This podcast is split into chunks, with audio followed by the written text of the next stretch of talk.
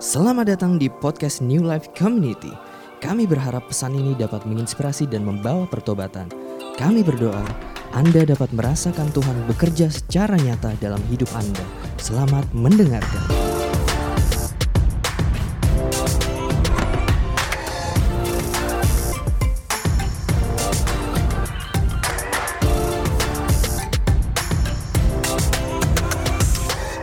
Sangat senang bisa berjumpa dengan teman-teman di tempat ini untuk siang hari ini. Udah lama banget kita nggak ketemu ya.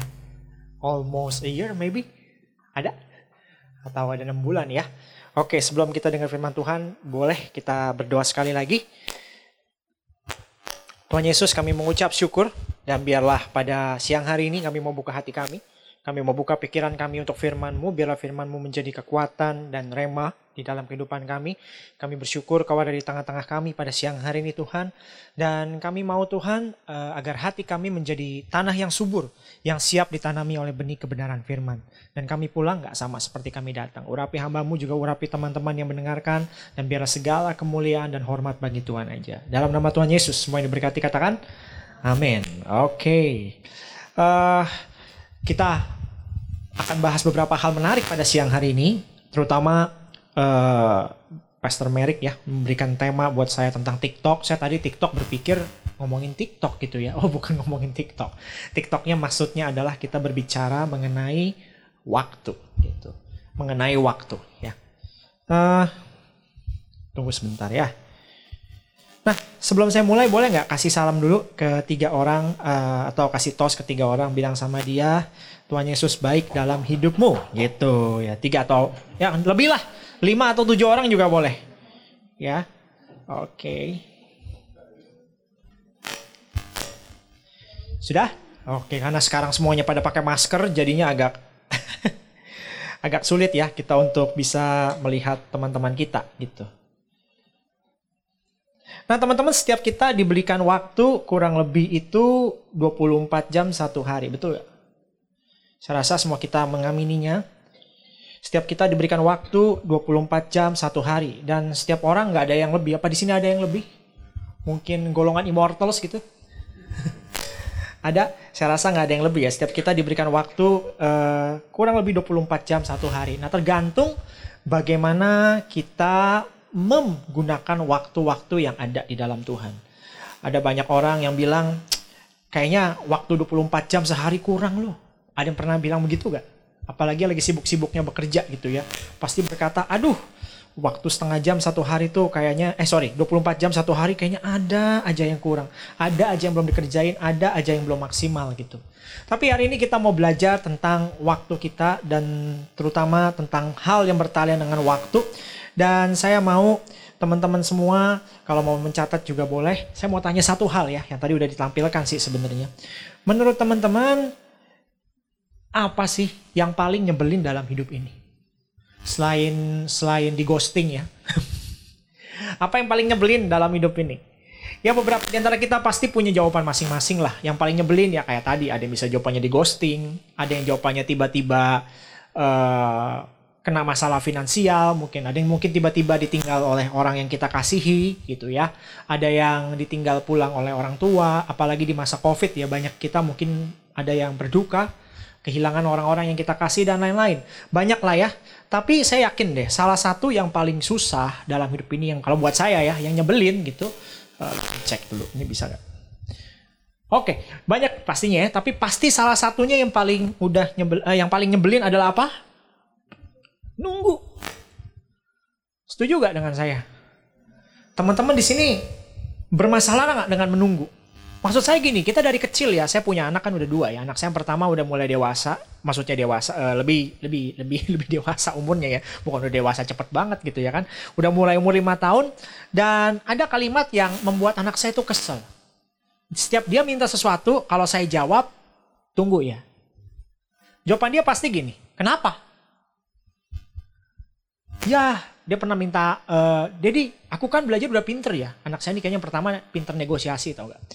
Aku kan belajar udah pinter ya Dedi hari ini ya. Iya. Jadi temenin kan tadi lihat ya belajar onlinenya pinter kan. Ya. Ini aku udah bikin PR kan. Ya. Boleh nggak aku makan es krim, minta es krim kata dia gitu. Boleh nggak aku minta es krim padahal hari itu dia sudah makan es krim dua. Ya langsung saya jawab. Tadi kan udah makan es krim dua. Boleh, tapi tunggu besok ya. Baru makan lagi. Ya, kenapa? Dan kalau boleh saya katakan, this disease gitu, ini terbawa bahkan sampai kita makin dewasa. Ya kan? Saya yakin gak ada yang suka tuh lewat jalan yang macet. Gak ada yang suka kalau pesan barang online tapi udah bayar nyampe nya lama gitu. Betul? Ya kan? Gak ada yang suka ngantri-ngantrian makanan tertentu atau bioskop tertentu yang berkepanjangan ya. Contoh kalau saudara suka makan bakmi ayam seperti saya. Kalau saya uh, kita bilang kalau saya di sama teman-teman di gereja saya saya bilang saya ini uh, perguruan bakmi bakmi putih. perguruan bakmi putih. Jadi saya suka makan bakmi yang ayam rebus maksudnya gitu. Kalau teman saya perguruan bakmi merah ya, ada yang suka babi A, babi B gitu ya kan banyak sekali. Nah, kalau saya perguruan bakmi putih. Jadi kalau saya bayangin kalau kita lagi datang ke restoran bakmi favorit kita, apalagi biasanya ini hari Minggu kan. Hari Minggu kan biasanya midday, betul ya? ya kan? Kita makan di restoran favorit kita, mana udah lapar banget lagi, kita udah nyampe duluan lagi, keadaannya rame lagi, pesennya udah ngantri lagi. Eh nggak lama orang di belakang kita baru nyampe sekitar 5 until 10 menit dia punya makanan datang duluan. Kira-kira apa respon teman-teman? Oh praise the name of the Lord our God. Gitu? Apa kira-kira? Pasti kayak saya lah. Saya biarpun hamba Tuhan, saya pernah loh dalam kondisi begini saya datangin yang terimain kasir gitu, yang terimain pesanan. Mbak, maaf mbak. Ya mas, kenapa mas? Saya boleh makan gak sih mbak di sini mbak? Kenapa? Saya kayaknya pesen duluan ya. Tapi kok yang nyampe itu duluan gitu. Kan itu membuat kita jadi jadi kesel dan jadi keki gitu ya kan? Dan di zaman sekarang ya makin parah lagi ya. Kita mau segala sesuatu itu cepat semua gadget terbaru ya. Uh, apps apps terbaru selalu menawarkan kemudahan kecepatan keringkesan biasanya sebagai salah satu ikon jualan gitu. Bahkan kita kalau wifi pun juga maunya yang cepat juga kan. Apalagi sekarang kita kebanyakan streaming nonton dari rumah semua. Bahkan banyak aplikasi jodoh online juga yang berusaha mempercepat proses perkenalan dan tiba-tiba bisa jadian, betul gak? Di sini nggak ada mungkin yang pemakai gitu ya. Saya pernah punya teman pakai, jadi lagi, nikah lagi. Orangnya orang Indonesia, suaminya orang Inggris, tinggalnya di Liverpool, bayangin. Jadi sekarang dia you never walk alone gitu. Apalagi kemarin tim saya baru kalah 4-0 dari Liverpool ya. Ambil napas aja, ya kan. Uh, daripada yang satu lagi kalah dari Watford 4-1 ya. Aduh. Jadi ya bersyukur lah ya. Oke, okay, just kidding. Oke, okay? jadi ya itu seperti begitu. Jadi uh, mempercepat aplikasi jodoh, mempercepat dapat pacar atau malah mempercepat dapat friend with benefits kalau anak zaman sekarang bilang gitu. Jadi dunia ini bergerak ke arah yang semakin cepat dan semakin sedikit kita yang rela nunggu. Nah ini dilema jujur aja buat orang yang percaya, terutama buat kita. Karena dunia bergerak maunya makin cepat. Masalahnya adalah Tuhan bekerja dengan timetable yang berbeda. Yang paham bilang, mm -hmm. ya kan? Ini dilema. Umum semua dunia bergerak membuat hidup kita tuh lebih cepat, easier atau faster. Sementara Tuhan bekerja dengan timetable yang berbeda. Jadi kita udah kecekokan gitu ya di pikiran kita. Emang ada yang nggak ada yang salah kan kalau kita mau cepet kan? Nggak ada yang salah kan kalau kita nggak mau nunggu kan? Faktanya saya yakin kalau kita pikir-pikir di dalam konteks kita belajar kebenaran firman Tuhan, menunggu itu banyak baiknya. Dan sering kali mendewasakan kita juga. Gitu. Banyak orang hidupnya tau nggak maunya easier. Tapi Tuhan mau kita better. Beda loh antara easier dan better. Easier tuh maksudnya gini, saya tetap dengan pola saya yang lama, tapi di make it easy dong. Kayak kita main game. Paham ya? Kita levelnya dari medium, kita mau turunin jadi, eh sorry, levelnya dari normal diturunin jadi easy. Game yang sama, stage yang sama, challenge-nya digampangin. Kurang lebih gitu kan? Bener kan? Saya pengen tetap hidup saya ini easy. Maksudnya gue tetap dengan pola gue yang seperti gini, tapi tolong dong tabungan dipenuhin dengan lebih cepat. Kan gitu, maunya gitu. Maunya easier kan? Gue maunya dengan pola berpacaran gue, dengan pola relationship gue, gue gak mau berubah. Gue maunya, gue maunya gini-gini aja. Rubah dong temen saya. Rubah dong orang lain. So make it easier. Padahal Tuhan maunya kita better. Dan kayaknya sih kalau kita mau menjadi pribadi yang better. Takes time. Perlu waktu untuk merubah berbagai hal di dalam kehidupan kita. Itu sebabnya menunggu itu baik. Nah judul saya adalah God's Waiting Room pada siang hari ini. But here's the problem. Musuh dari mempercayai waktu Tuhan atau musuh dari God's Waiting Room ini adalah Gak sabaran. Gak sabaran. Jadi ketidaksabaran menjadi penyebab utama mengapa kita tidak, menggala, tidak mengalami penggenapan janji Tuhan. Saya ulang ya, ketidaksabaran sering kali menjadi penyebab utama mengapa kita tidak mengalami penggenapi janji Tuhan. Kita sering banget tergesa-gesa. Gak sabar menantikan waktu Tuhan sehingga semuanya kadang-kadang jadi berantakan. Kita pengen yang instan-instan, serba cepat, tapi kita harus ingat waktu kita bukanlah waktu Tuhan. Kita banyak mencatat uh, kejadian dari tokoh-tokoh yang tanda kutip ngegas gitu dengan masalah timing, God's timing gitu. Salah satu contoh yang paling pertama kali muncul yang saya coba baca gitu ya adalah yang pertama Abraham. Abraham tahu dia akan dapat keturunan, tapi dari Sarah, Sarai. Tapi dia mau speed up. Betul gak? Istrinya punya ide nih, ya kan? Kayaknya aku kan barren ya. Aku maksud barren tuh Indonesia apa? Mandul ya. Aku kan mandul ya. Mungkin maksud Tuhan kamu punya keturunan tapi dari budakku. Karena di zaman dulu ketur kalau seorang nyonya punya budak, lalu nyonyanya mandul, maka anaknya budak dihitung anaknya si nyonya gitu. So dan itu secara kaidah normal. Kalau zaman dulu, kalau zaman sekarang kita kan gile. Masa Pak ini nidurin pembantu? Um, kalau dia jawab kan Alkitabiah ya sesat juga ya, bukan itu ya. Itu terjadi dulu. Zaman dulu di zaman Timur Tengah situ normal sekali, tapi Abraham mengikuti saran istrinya. Karena istriku karena kamu yang minta, ya sudahlah gitu. Saya berdoa buat para suami jangan punya mental yang kayak gitu. Walaupun kadang-kadang yang namanya wanita itu punya kemampuan untuk kasih you uh, spell magic yang kayaknya gimana saudara bisa turutin gitu. ya kan? Tapi ya berdoa ya suami itu punya titik berdiri yang teguh di hadapan Tuhan. Amin. Jadi ya seperti itu. Jadi uh, istrinya ajuin gitu. Oh, udah tidur aja masih ini nanti dapat keturunan kali dan Abraham as you wish ya gitu doang dia. Lalu dia kerjakan. Lalu ada lagi di zamannya Yosua ada seseorang bernama Akan. Saya nggak punya waktu panjang-panjang. Saudara baca nanti di Yosua 7 itu peristiwanya setelah penaklukan e, tembok Yeriko oleh Yosua. Tuhan tuh kasih perintah sama Yosua dan seluruh Israel. Barang di sini kamu boleh ambil, tapi ada barang-barang yang dikhususkan kamu nggak boleh ambil. Si Akan nggak sabar.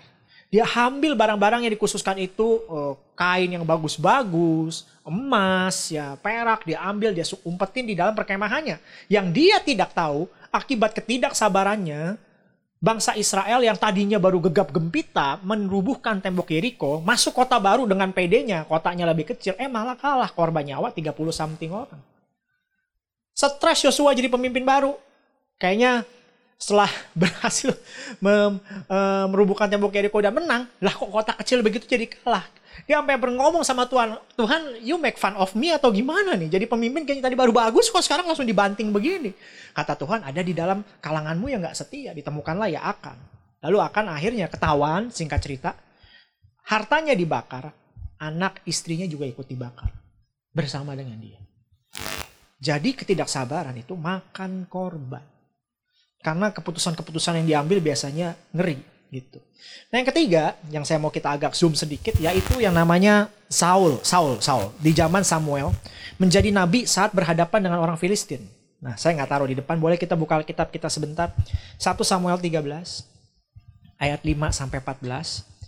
1 Samuel 13 ayat 5 sampai 14. Yang udah dapat bilang, mm -hmm. Oke tak tunggu sebentar ya. Oke. Sudah? 1 Samuel 13 bisa buka di ininya. Gadgetnya maybe atau di Alkitab fisik kalau saudara bawa 1 Samuel 13 ayat 5 sampai 14 kalau sudah bilang hmm. Oke. Saya coba bacakan ayat 5 dan saudara yang nggak sabaran baca ayat 6 ya. Just kidding, oke. Okay? Saya baca 5, saudara 6 ya.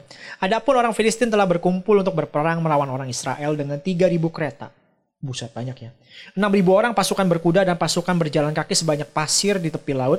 Mereka bergerak maju dan berkemah di Mikmas di sebelah timur Bet Awen. Ayat 6, 2, 3.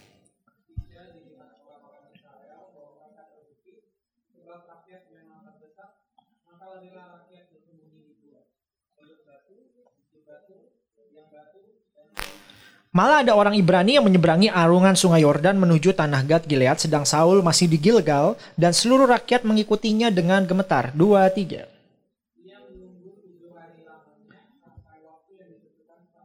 Hmm. Ya. Serak-serak. Iya. Sebab itu Saul berkata, Bawalah kepadaku korban bakaran korban keselamatan itu. Lalu ia mempersembahkan korban bakaran. Dua, tiga.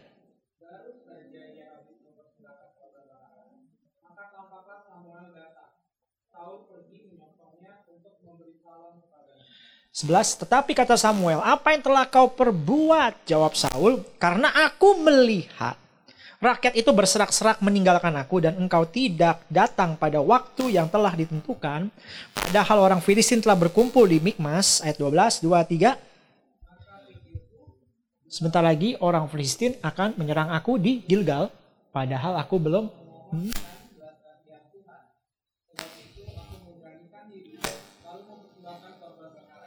Ya ini 13-14 kita baca sama-sama ya. Saya di depan ada 2-3. Kata Samuel kepada Saul, perbuatanmu itu bodoh.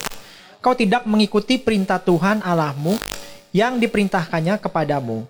Sebab sedianya Tuhan mengokohkan kerajaanmu atas orang Israel untuk selama-lamanya. Tetapi sekarang kerajaanmu tidak akan tetap. Tuhan telah memilih seorang yang berkenan di hatinya dan Tuhan telah menunjuk dia menjadi raja atas umatnya karena engkau tidak mengikuti apa yang diperintahkan Tuhan kepadamu. Ini case-nya Saul buru-buru mengambil pekerjaan Samuel dan melakukannya karena dia lihat orang-orang banyak berserakan. Tadi dia kita udah secara letter luck gitu ya. Saul menjawab, "Aku melihat rakyat itu berserak-serak meninggalkan aku dan engkau nggak datang pada waktu yang telah ditentukan." Nah, ini kontra. Ini jadi masalah karena kontra dengan ayat 1 Samuel 10 ayat 8 yang sudah diperintahkan kepada Saul oleh eh, Samuel diberitahu dikatakan engkau harus pergi ke Gilgal mendahului aku dan camkanlah aku akan datang kepadamu untuk mempersembahkan korban bakaran korban keselamatan. Kau harus menunggu berapa lama? Tujuh hari lamanya sampai aku datang kepadamu dan memberitahukannya kepadamu apa yang harus kau lakukan. Kalau tadi kita baca, Samuel datang exactly, kurang lebih nggak lama setelah Saul mempersembahkan korban bakaran itu. Nggak sabaran. Akibatnya apa? Sangat buruk bagi Saul sendiri. Satu, dia nggak dapat menyaksikan bagaimana Tuhan bekerja. Menghancurkan musuh-musuhnya dengan kekuatan yang sedikit. Kalau saudara pernah baca kisah di Alkitab, Gideon namanya, Gideon itu mengalahkan kurang lebih hampir 150 ribu pasukan musuhnya hanya dengan 300 people. 300 orang. Nah Saul punya kesempatan melihat itu sebenarnya. Emangnya kenapa kalau ditinggalin orang? Emangnya kenapa kalau diserak-serakan? Kalau Tuhan bilang stay, you got to stay. Emangnya kenapa kalau di dalam kehidupan kita, kalau Tuhan bilang kita harus jalan, semua orang mundur, kita jadi mundur? Emangnya kenapa kalau di dalam kehidupan kita, pada waktu kita memutuskan untuk melakukan A, padahal semua orang kayaknya against us dan Tuhan mau kita lakukan A, emangnya kenapa? Sehingga kita tidak berani untuk melangkah ke sana dan tidak sabar menunggu apa yang Tuhan minta dalam hidup kita. Saul kehilangan kesempatan melihat itu. Nah yang kedua adalah Tuhan tidak jadi memakai Saul dan dinastinya untuk menjadi dinasti kerajaan yang kekal selama-lamanya. Jangan sampai dalam hidup kita Tuhan tanda kutip tidak jadi juga memakai hidup kita. Gara-gara nggak sabaran gitu. Nah contoh berikutnya asik juga sih. Kita sekarang lari ke perjanjian baru. Mungkin udah dikuatbahkan kali di sini ya. Di Yohanes 11 ayat 3 sampai 6. Dan Lazarus yang sakit itu adalah saudaranya. Nah ini cerita Lazarus sakit. Kedua perempuan itu mengirim kabar kepada Yesus. Tuhan dia yang kau kasihi sakit. Ketika Yesus mendengar kabar itu, ia berkata, penyakit itu tidak akan membawa kematian, tetapi akan menyatakan kemuliaan Allah. Sebab oleh penyakit itu anak Allah akan dimuliakan. Yesus memang mengasihi Marta dan kakaknya Lazarus, namun setelah didengarnya bahwa Lazarus sakit, dibaca dengan kencang di situ, dua tiga, ia sejak tinggal dua hari lagi di tempat di mana ia berada. Jadi menarik sekali Tuhan dengan sengaja Tinggal dua hari lagi. Saudara menungguin orang sakit itu nggak enak. Saya pernah uh, anak saya yang pertama gitu ya, pada waktu istri saya gitu ya, tiba-tiba udah kontraksi, udah teriak-teriak, saya ada di sampingnya. Anak saya yang pertama kan lahirnya normal lah, yang kedua ini sesar, yang pertama normal. Lalu ada saya di samping istri saya, kan istri saya langsung kayak seperti layaknya istri kebanyakan ya. Itu adalah kesempatan di mana KDRT diperbolehkan. Ya. Ditarik-tarik tangan saya gitu ya baju saya ditarik panggil dokter aduh gitu luar biasa gitu ya kan dan detik antara hidup dan mati itu kan ini kelahiran anak pertama saya saya jujur aja khawatir gitu ya eh, dengan berbagai hal eh, Dan saya cepat-cepat bang, suster ini kenapa? Ayo kayaknya udah gimana istri saya udah nggak tahan nih gitu. Oh iya iya iya, kalaupun dioperasi pak, nanti kan perlu di eh, kita kalau mau bapak memutuskan sesar kan kita kita nggak tahu ya mau sesar apa normal karena istri saya cuma teriak-teriak sakit sakit sakit nggak tahan nggak tahan. Dia bilang gini, pak kalau bapak pun memutuskan sesar, dokter anestesinya belum datang pak. Kira-kira satu jam perjalanan. Aduh, nunggu nunggu dokter anestesi datang butuh satu jam itu aja. Itu rasanya udah kayaknya nyebelin. Tahap dewa. Nah ini gitu ya. Untungnya eh, di kelahiran istri saya di yang pertama itu eh, susternya saya cukup eh, dapat hikmat gitu ya. Coba deh sebelum panggil eh, dokter anestesi coba sus bukaan berapa ini. Jangan-jangan udah deket juga ngapain kita harus sesa dan lain-lain ya kan. Tapi saya ngomongnya sama suster saya eh, di depan, nggak ngomong depan istri saya. Kalau saya ngomong depan istri saya yang terjadi pasti berbeda. Bisa diomelin lagi gitu, wah gitu. Tapi ada suster coba dicek dulu ya bu. Eh, akhirnya dicek, nah udah bukan 5 atau 6 nih bu, dorong. Wah iya istri saya juga udah semangat dan lain-lain. Tapi ya itu, nungguin dokter anestesi sejam aja udah kesel. Nah ini literally Tuhan Yesus. Dua hari setengah aja nggak datang gitu. Nah ini tension ya antara keluarga besar Lazarus dengan Yesus. Tapi Yesus nggak goyang tuh. Jadi saudara kalau dalam masa menunggu atau dalam God's waiting room, jangan mengira gitu ya, saudara bisa goyang-goyangin Tuhan.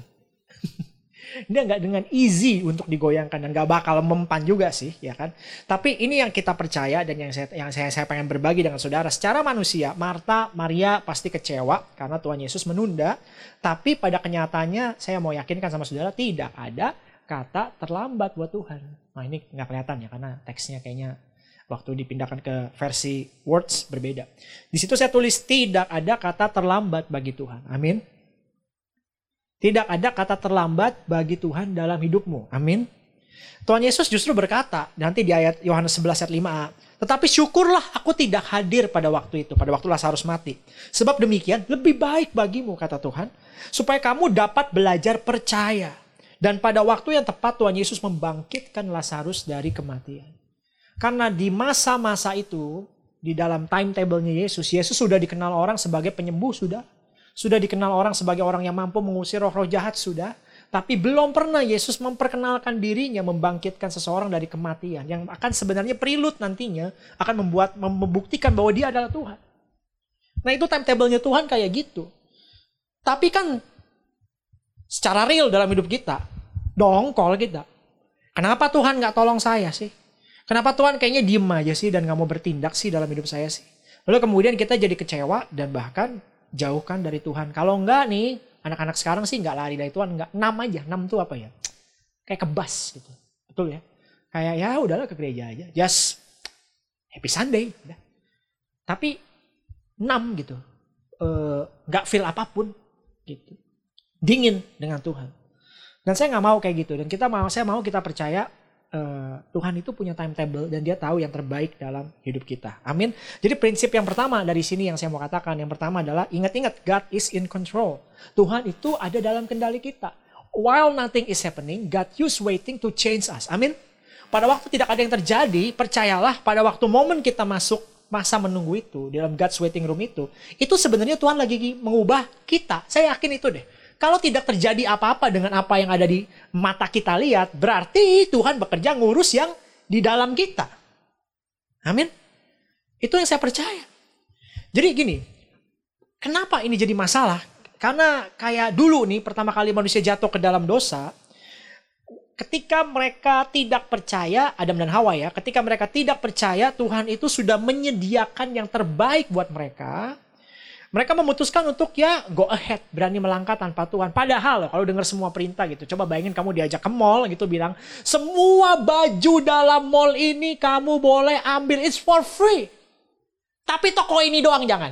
Sebenarnya tuh perintah yang asik kan, bener gak sih? Ya nggak? Asik loh. Masa? Wah ya sudah, kita syukurilah dengan apa yang ada ini. Betul gak?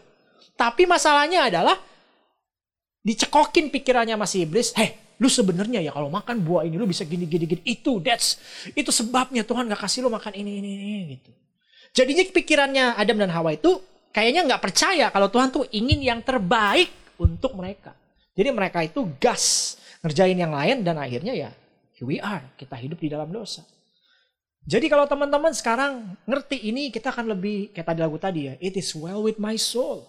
Tenang aja. Tuhan tahu yang terbaik untuk hidup saya. Jadi saya nggak perlu khawatir, saya nggak perlu ngerjain hal-hal yang kayaknya speed up things tertentu gitu ya kan, yang melanggar, apalagi yang melawan perintah-perintah Tuhan. Nggak sedikit dalam masa pandemi kemarin, banyak jemaat gereja kami juga kami tangani secara finansial. Kenapa? Karena kemarin ada peristiwa salah satu uh, trading ya online gitu ya, robot terkenal, tiba-tiba keluar tongkat Sun Gokong istilahnya kalau ada teman-teman yang tahu. Tahu?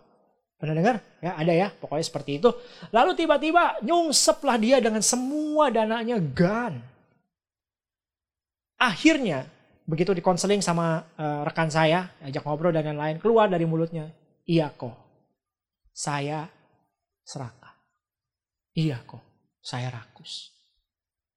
That's the problem. Mau speed up things. Gitu. Pengen cepet, tanpa kerja keras, lalu menggunakan cara-cara yang aneh-aneh, nah akhirnya kayak gitu. Jadi relate ya dengan kita hari-hari ini, ketika Tuhan minta kita menunggu, we don't trust Him. Kita nggak percaya dia, tapi kita coba cari-cari apa uh, untuk mencapai apa yang kita inginkan. Kita punya tendensi untuk kayaknya waktu Tuhan lagi nyetir nih uh, di hati kita, kita langsung shoulder bump gitu sama Tuhan. Wah, Tuhannya minggir, udah deh, sini gua aja yang nyetir lah. Lu kelamaan. Wadaw. Kalau sampai seperti itu bertobatlah gitu ya. Dan ini malah menyebabkan masalah. Jadi Tuhan mau kita tuh ngikutin rencananya dan membuang daging kita. Gitu. Jadi untuk menenangkan anak saya yang tadi teriak untuk minta es krim daddy, es krim daddy, es krim daddy, saya bilang tunggu. Walaupun dia tahu, saya tahu sih perasaan dia kesel, nggak nyaman, sering kali bahkan tanda kutip menyakitkan. Tapi itu merupakan salah satu cara saya untuk membuat dia malah dewasa dan bebas ngerti mana yang boleh dan mana yang tidak boleh mana yang tidak boleh berlebihan mana yang boleh berlebihan kan kira-kira gitu. Soalnya bayangin anak umur 4 tahun sehari makan 4 es krim. Mau jadi apa? Saya saya saya tidur waktu tidur siang saya ajak ngobrol. Kamu kesel ya dia larang ya? Iya dia kesel katanya gitu. Kan es krim enak. Kamu tahu nggak es krim itu banyak gulanya saya bilang gitu. Kalau kamu masih kecil langsung dibiasain kebanyakan makan gula. Temen Dedi itu sampai gede diabetes punya masalah yang lain. Bukannya nggak boleh makan es krim sehari atau dua hari satu lah, it's okay. Kira-kira gitulah. Jadi Tuhan tahu yang terbaik buat kita. Nah next pointnya adalah kita perlu sadari dan bertanya sama diri kita sendiri. Siapa sih yang kita tunggu gitu? Kalau yang kita tunggu teman kita yang gak ada juntrungannya bolehlah kita agak marah. Tapi kalau yang kita tunggu adalah Tuhan, kayaknya nggak apple to apple ya dengan teman atau orang-orang yang pernah agak lama gitu dalam hidup kita. Tapi kalau yang kita tunggu adalah Tuhan, ya prinsipnya adalah ya ini. Tuhan tahu rencana terbaiknya dalam hidup kita gitu. Tuhan tahu rencana terbaiknya dalam hidup kita. Walaupun mata manusia terbatas, tapi mata Tuhan tidak terbatas. Dan Tuhan tahu yang terbaik. Tadi kita baca sedikit cerita Lazarus. Tuhan tahu yang terbaik. Akhirnya Tuhan bangkitkan Lazarus di waktu yang terbaik. Jadi buat saudara yang merasa kayak hari ini mungkin berasa di persimpangan jalan dan lagi mau memilih mana yang benar. Pada saat kita menunggu harusnya kita merasa dan berpikir titik mulainya tuh bukan di kita. Tapi titik mulainya kita coba melihatnya di Tuhan gitu ya. Coba kita lihat gambar ini ya sedikit ya. Nah ini mata Abraham akan dan Saul yang tadi saya cerita. Nah kalau mereka itu kan fokusnya titik mulainya kepada diri mereka sendiri. Makanya Abraham melakukan percepatan Ismail jadi lahir akan melakukan sesuatu akibatnya dia kehilangan keluarga dan hartanya. Saul melakukan sesuatu, dia kehilangan rencana Tuhan dalam hidupnya. Why? Karena tiga titik ini, titik berdirinya fokusnya adalah pada dirinya sendiri. Selalu begitu. Bukankah itu selalu the battle yang ada di hati kita tentang apa yang kita rasa benar di hati kita sendiri bertabrakan dengan kebenaran firman Tuhan kan gitu kan everyday battle-nya kan Nah sementara yang Tuhan mau adalah Tuhan punya plan A yang sebenarnya aduh ini coret semua deh sabar aja nanti nyampe apa yang aku maksudkan buat kamu. Gitu. Masalahnya ya kayak gitu, kita jadi nggak willingly to wait dan respon natural kita itu saat menunggu biasanya apa? Malah mengambil tindakan sendiri. Tuhan tahu apa yang dia kerjakan, dan saya percaya dia tidak pernah terlambat. The truth is Tuhan mau kita itu memiliki sukacita loh. Ya kan di sini. Nah bayangkan kalau kasus tadi namanya kita ganti dia bukan Abraham akan Saul. Namanya adalah misalkan yang pasangan ya kan? Atau uang atau karir. atau ambisi. Kalau kita titik berdirinya pada diri kita sendiri saja tanpa memikirkan prinsip kebenaran firman Tuhan, saya takutkan hasilnya kayak yang tadi. Gitu. Ngeri sekali loh. Ngeri sekali. Gitu ya. Ada orang-orang yang di tempat kami kan ya udah single cukup lama gitu ya dan biasalah kalau ke undangan yang ditanya apa? Kapan? Sama siapa hari ini? Kalau cerita sama saya, saya selalu bilang sabarlah Gak apa-apa kok sekarang agak-agak late, it's okay. Daripada jatuh ke tangan yang salah. Karena ini keputusan serius. Satu uh, selain keselamatan, keputusan terpenting kedua adalah menikah dengan orang yang tepat. Kan gitu. Jadi mesti sabar. It's okay juga. Tunggu waktu yang terbaik. Jadi the truth is Tuhan mau kita sukacita pada saat yang tepat. Bukankah tadi rencananya buat Saul sebenarnya bagus, betul gak? Tapi ternyata persis tengah-tengah kan? Di ceritanya akan, tahu nggak ironisnya apa? Begitu akan dibakar gitu ya, bangsa Israel masuk lagi ke kota Ai, tapi perintah Tuhan udah berbeda. Semua barang di kota itu ambil buat kamu. Ya ampun Tuhan, kalau gitu ngapain tadi si akan ngambilin di Yeriko? Sabar dikit. Di kota Ai barang semuanya boleh diambil. Gitu. Saul juga gitu kan, andai kata sabar dikit. Mungkin ceritanya akan jadi berbeda, kisah hidupnya. Gitu. Jadi ya, Tuhan mau kita sukacita di waktu yang tepat. Jadi saya kok sekarang nih ya, me, udah usia 40 tahun lewat gitu ya. Belajar bersyukur begini loh. Bersyukur bukan karena apa yang saya punya. Tapi bersyukur juga buat apa yang saya belum dipercayakan punya. Saya bersyukur buat apa yang saya punya, tapi sekarang belajar juga untuk bersyukur buat apa yang saya dipercayakan punya. Jangan-jangan kalau saya memaksakan punya, punya, punya, punya duluan, yang terjadi dalam hidup saya bisa kacau semua. Betul kan? Gitu. Jadi itu yang saya syukuri. Hal-hal yang belum jadi dipercayakan pada saya, ya udah, berarti Tuhan tahu yang terbaik. Hidup tuh enteng kalau gitu. Lalu Andre leye-leye gitu, santai-santai. Nggak ada ambisinya, masa hidup sih nggak pengen hidup lebih maju? Ya ada, ada ambisinya. Tapi bukan ambisi itu jadi obsesi gitu.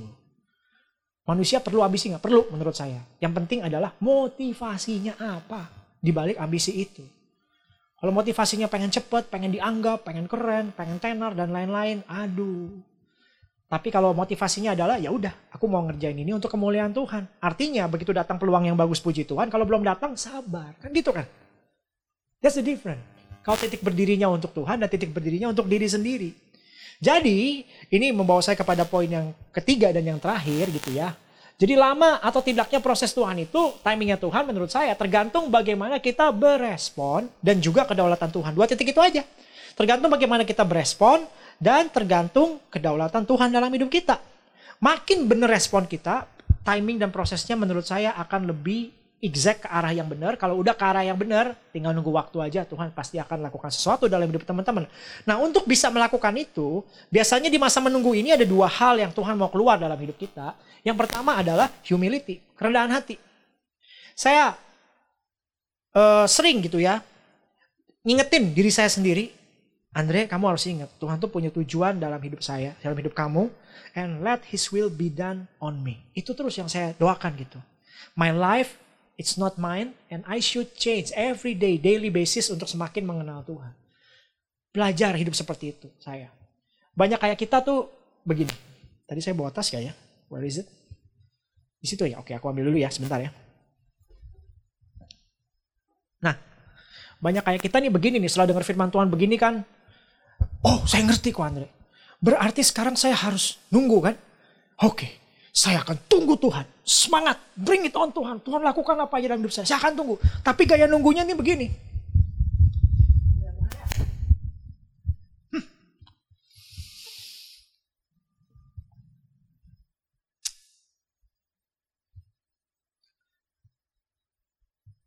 Mana? Udah nunggu nih. Buset. Bikin kesel aja. Lama kita mungkin menunggunya kayak begitu kan. Respon kita seperti gitu. Atau malah kita mungkin tenang-tenangin barang. Iya sih gue tunggu. Tapi gak gini juga dong. Yang dialamin kayak gini, kayak gini kan. Ah, lama. Atau mungkin dia udah puter-puter. Woi. Dan seterusnya. Karena kita nunggunya begitu. Dan itu terasa gak nyaman. Dan meninggikan emosi diri kita sendiri. Dan malah akan membuat kita semakin kayaknya sama makin jauh dan makin benci juga jadinya yang saya takutkan gitu sih. Tapi kalau menunggunya punya sifat yang berbeda, hasilnya beda. beda. Coba nunggunya gini. Ininya di. Nah, ini namanya apa?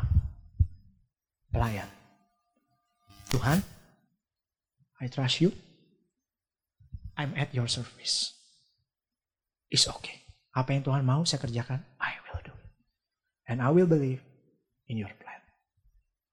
Oh different. Beda banget ini kalau kita ngerjain begini. Jadi di dalam kemurahan Tuhan, kita bisa memilih menunggu yang pertama atau menunggu yang kedua. Menunggu yang kedua lagunya beda. Lagunya apa? Jesus I believe in you. Kan gitu kan? Jesus I belong to you. Gitu. Jadi ini kan lebih enak karena kita nunggunya kita siap untuk serve, melayani. Yang mengerti katakan amin. Yang terakhir, yang terakhir akibatnya kita belajar untuk trust gitu. Saya mau pemain musik maju ke depan.